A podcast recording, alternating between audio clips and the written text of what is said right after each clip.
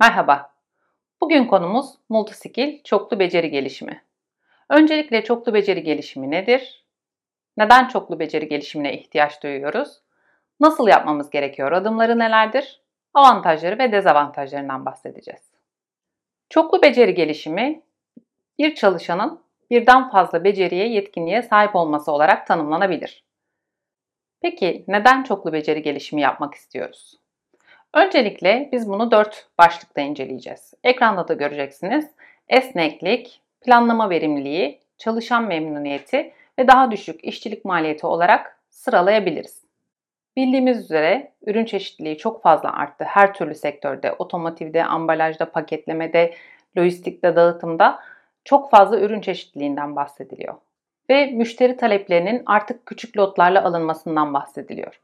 Peki bunun esneklikle ne ilgisi var?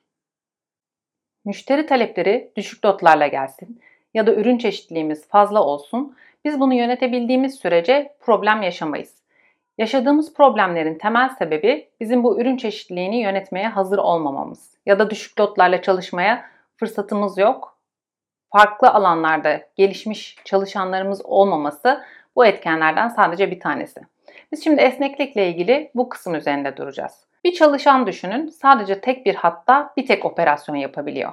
Bu durumda başka bir hatta bir çalışana ihtiyacınız olduğunda ya da oradaki üretim rakamları arttığında, oradaki talepler arttığında o çalışanı oraya aldığınızda çalışanın yetkinlikleri ve yeterliliği, bilgi ve becerisi buna yeterli olmadığı için orada hep bir eksiklik, kalitesizlik maliyetleri ya da farklı problemlerle karşılaşma ihtimalimiz yükseliyor. Biz buna önden hazırlık yaparsak operatörlerin, çalışanların farklı alanlardaki becerilerini, ihtiyaç duyacağımız alanlardaki becerilerini geliştirirsek aslında buna önlem almış oluyoruz. İkincisi planlama verimliliği. Aynı sebeplerden dolayı planlamamızı da daha düzgün bir şekilde yapabilmemiz, hatlarımızın, operatörlerin, makinaların hepsinin aynı esnekliğe, aynı çevikliğe sahip olması gerekiyor ki planlamayı doğru ve düzgün bir şekilde yapabilelim. Üçüncüsü çalışan memnuniyeti. Bir çalışan düşünün tek bir hatta bütün gün boyunca hep aynı işi yapıyor ve gelecekle ilgili olarak da herhangi bir beklentisi yok. Başka bir çalışan düşünelim. Farklı alanlarda kendisini geliştirmiş ya da yöneticisi onun gelişimine katkı sağlamış ve birden fazla operasyonda, belki 8-10 operasyonda farklı yetkinliklere sahip. Bu çalışan mı işinden daha memnun olur, diğeri mi? Çalışanların gelişimini takip etmek yöneticilerin ilk görevlerinden bir tanesi. Multiskill çoklu beceri tabloları bize bunu yapmak için bir fırsat veriyor. Şu anda mevcut durumumuzda sahip olmamız gereken yetkinlikler neler? Hangi alanlarda gelişime ihtiyacımız var? Çalışanların hangi alanda gelişebileceklerini ortaya koyduktan sonra bizim şu anki durumumuzla gelecek durumumuz arasındaki fark aslında gelişime açık potansiyel gördüğümüz noktalar. Dördüncü nokta daha düşük işçilik maliyeti. Aslında kaynaklarımızı ne kadar iyi kullanabilirsek, sahip olduğumuz potansiyeli ne kadar esnetebilirsek, esnek kullanabilirsek her alanda daha düşük maliyete sahip olmamız mümkün. Burada daha düşük işçilik maliyeti derken birden fazla noktada çok fazla çalışan tutup hepsini sadece tek bir operasyonda yetkinlik kazandırmak yerine birden fazla alanda bir kişiye yetkinlik ve beceri kazandırmak bizim aslında bu işçilik maliyetlerinin düşmesini de sağlıyor. Üçüncü ve dördüncü maddeyi birlikte düşünürsek tam bir kazan kazan durumu diyebiliriz. Hem çalışan hem işveren bu durumdan kazanç sağlayacak ve sürdürülebilir bir iş potansiyelinden bahsetmek mümkün olacak. Gelişim takibini yani çoklu beceri tablosunu nasıl oluşturmamız gerekiyor ve bunun takibini nasıl yapmamız lazım? Gelin adımlarına birlikte bakalım. Öncelikle gereksinimlerimizi belirlemeliyiz. Bu gereksinimleri belirlerken gelecek dönem planlarımızın ne olduğunu bilmemiz gerekiyor. Önümüzdeki bir yıl, beş yıllık hedeflerimiz içerisinde farklı pazarlara açılmak mı var, yeni müşteriler kazanmak mı var ya da farklı bir ürün gamı oluşturmak mı var? Bunu bilmemiz lazım.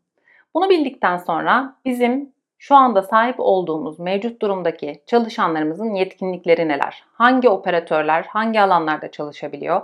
Bunları ne kadar iyi yapabiliyorlar? Bunların da seviyeleri var. Birazdan göreceğiz. Bu seviyelerde onları hangi adıma taşımak istiyoruz ve gelecek dönemle ilgili olarak çalışanların hangi yetkinliklerini ne kadar geliştirmek istiyoruz? Bunu planlamamız lazım. O yüzden gereksinimleri belirlerken ilk nokta ihtiyacımız olan ne? Bunu belirlemek. Gelecek durumda ben nerede olmak istiyorum? Şu anda mevcut durumdayım. Oraya gitmek için bir plan yapacağız. Şimdi gelecek durumu tanımladık ve gereksinimleri belirledik. İkinci adım her bir çalışan için yetenek profili oluşturmak. Yani mevcut durumda tek tek bütün operatörleri, bütün çalışanları bir değerlendirme tablosu üzerinde koyup bu çalışanların şu anda sahip olduğu yetkinliklerin neler olduğunu ve bunların hangi seviyede olduğunu puanlamalar yoluyla belirlemek. Üçüncü adım gelecek durumda sahip olmamız gereken yetkinlikler neler? Bunlar e, tek tek operasyonel olarak gerekli olan yetkinlikler olabilir. Şu anda belki firmamızda hiç sahip olmadığımız yetkinlikler olabilir. Ya da firmanın büyüme potansiyelini göz önünde bulundurarak yeni kazanmamız gereken, firmamızda hiç olmayan yetkinlikler olabilir. Bunların hepsini tek tek tanımlamamız lazım. Üçüncü adımda ben artık nerede olduğumu biliyorum, nereye gitmek istediğimi biliyorum. Bu aradaki boşluk için yani şu andaki durumdan farklı bir durum yaratabilmek için eğitimler planlamam lazım. Bu eğitimler farklı teknikler içerebilir. Koçluk, mentörlük bunlardan biri olabilir. İşbaşı eğitimleri bu işin olmazsa olmazı. Eğer özellikle el işçiliği, el melekesi olması gereken yetkinliklerse, emek yoğun çalışılan bir işse işbaşı eğitimlerin mutlaka olması gerekiyor. Makine başı çalışmalar da aynı şekilde. O makinenin nasıl çalışması gerektiğini, neyin yaptığında makinenin nasıl bir sonuç vereceğini, çıktı vereceğini bilmek ya da bir problem olduğunda nasıl müdahale etmesi gerektiğini kendisi müdahale etmeyecekse kime haber vermesi gerektiğini tek tek öğrenmesi gerekiyor. Bu nedenle işbaşı eğitimleri burada kullanılabilecek tekniklerden biri. Bunun dışında neler olabilir? İş rotasyonu olabilir. Şu anda çalıştığından farklı bir alanda öncelikle birinin yanında gözlemleyerek, sonra kendisi yaparak ve bunun öğretilmesi, çıktılarının denetlenmesi yoluyla bir yol izlenir. Sonrasında artık kendi kendine yapabilecek duruma geldiğinde o işi yapabiliyor anlamına gelir. Tabi bunların her birini de tek tek tanımlamak lazım. Dördüncü adıma geldiğimizde bütün bu çalışmayı planladık, hayata geçirdik, uygulamaları devreye aldık. Bundan sonra sürecin takip edilmesi lazım. Bizim burada öngördüğümüz eğitimler ne derece işe yarıyor? Ya da 2 seviyesinden 3 seviyesine, 3'ten 4'e çıkarmak istediğimiz çalışanlar hangi durumdalar? Belirlediğimiz periyotta 3 aylık, 6 aylık ya da 1 senelik dönemde bu seviyeyi değiştirebilmişler mi aldıkları eğitimlerle? Bunlara bakmamız lazım. Peki eğer uyguladığımız eğitimler sonuç vermiyorsa ya da beklediğimiz performans beklediğimiz süre içinde çıkmıyorsa ne yapacağız? O zaman mevcut durumu gerçekten tekrar te- o zaman mevcut durumu tekrar analiz edip neleri eksik belirledik. Aslında burada da çalışan bir Pukyo döngüsü var. Mevcut durumda neleri hatalı yaptık ya da yanlış yaptık ya da öngördüğümüz eğitimler gerçekten o işe yaramadı. Belki eğitimlerin farklılaşması gerekiyor. Belki belirlediğimiz çalışanlar o işe uygun değiller. Bunların hepsini tek tek değerlendirmemiz lazım. Yani burada da işin kontrol et ve önlem al kısmı var. Bu kö döngüsünü düşünürsek. Benim yaptığım işler ne kadar işe yaradı, ne kadarı revize edilmesi gerekiyor buna bakıyoruz.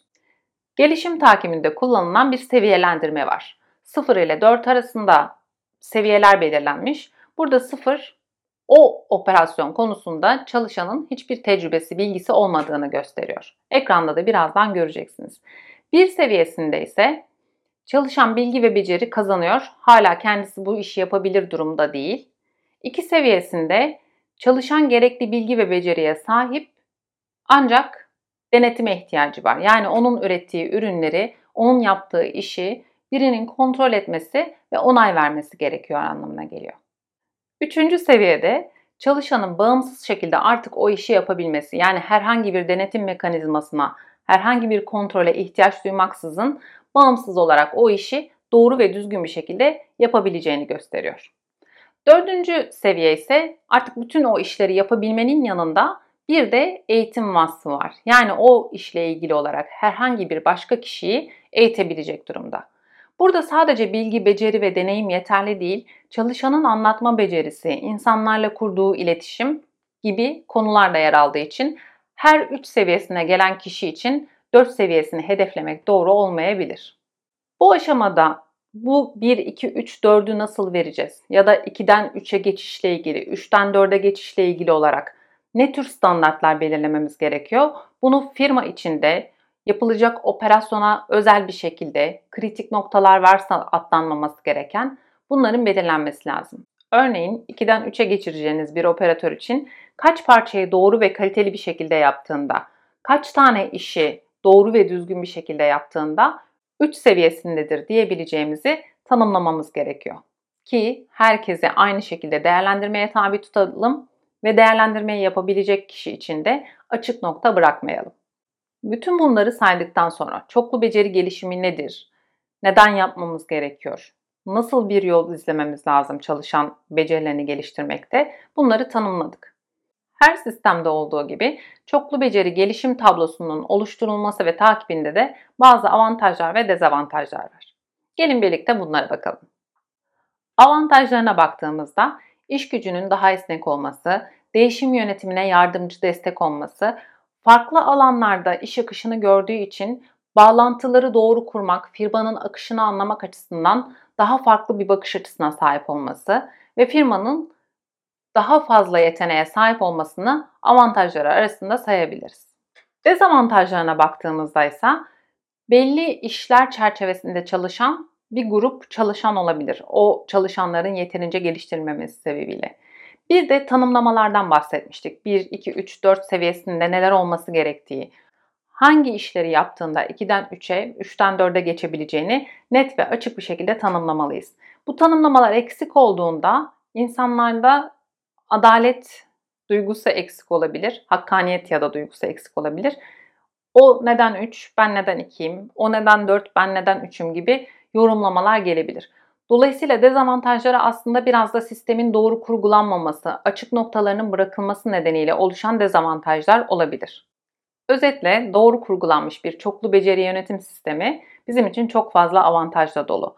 Esneklik sağlaması, devamsızlıklar konusunda destek olması, çalışan gelişiminin takip edildiğinin bilinmesi ve anlaşılması bunlardan sadece birkaçı. İzlediğiniz için teşekkür ederiz. Zil tuşuna basarsanız yeni videolarımızdan haberdar olursunuz. Hoşçakalın. Üçüncü seviyede seviye diyor.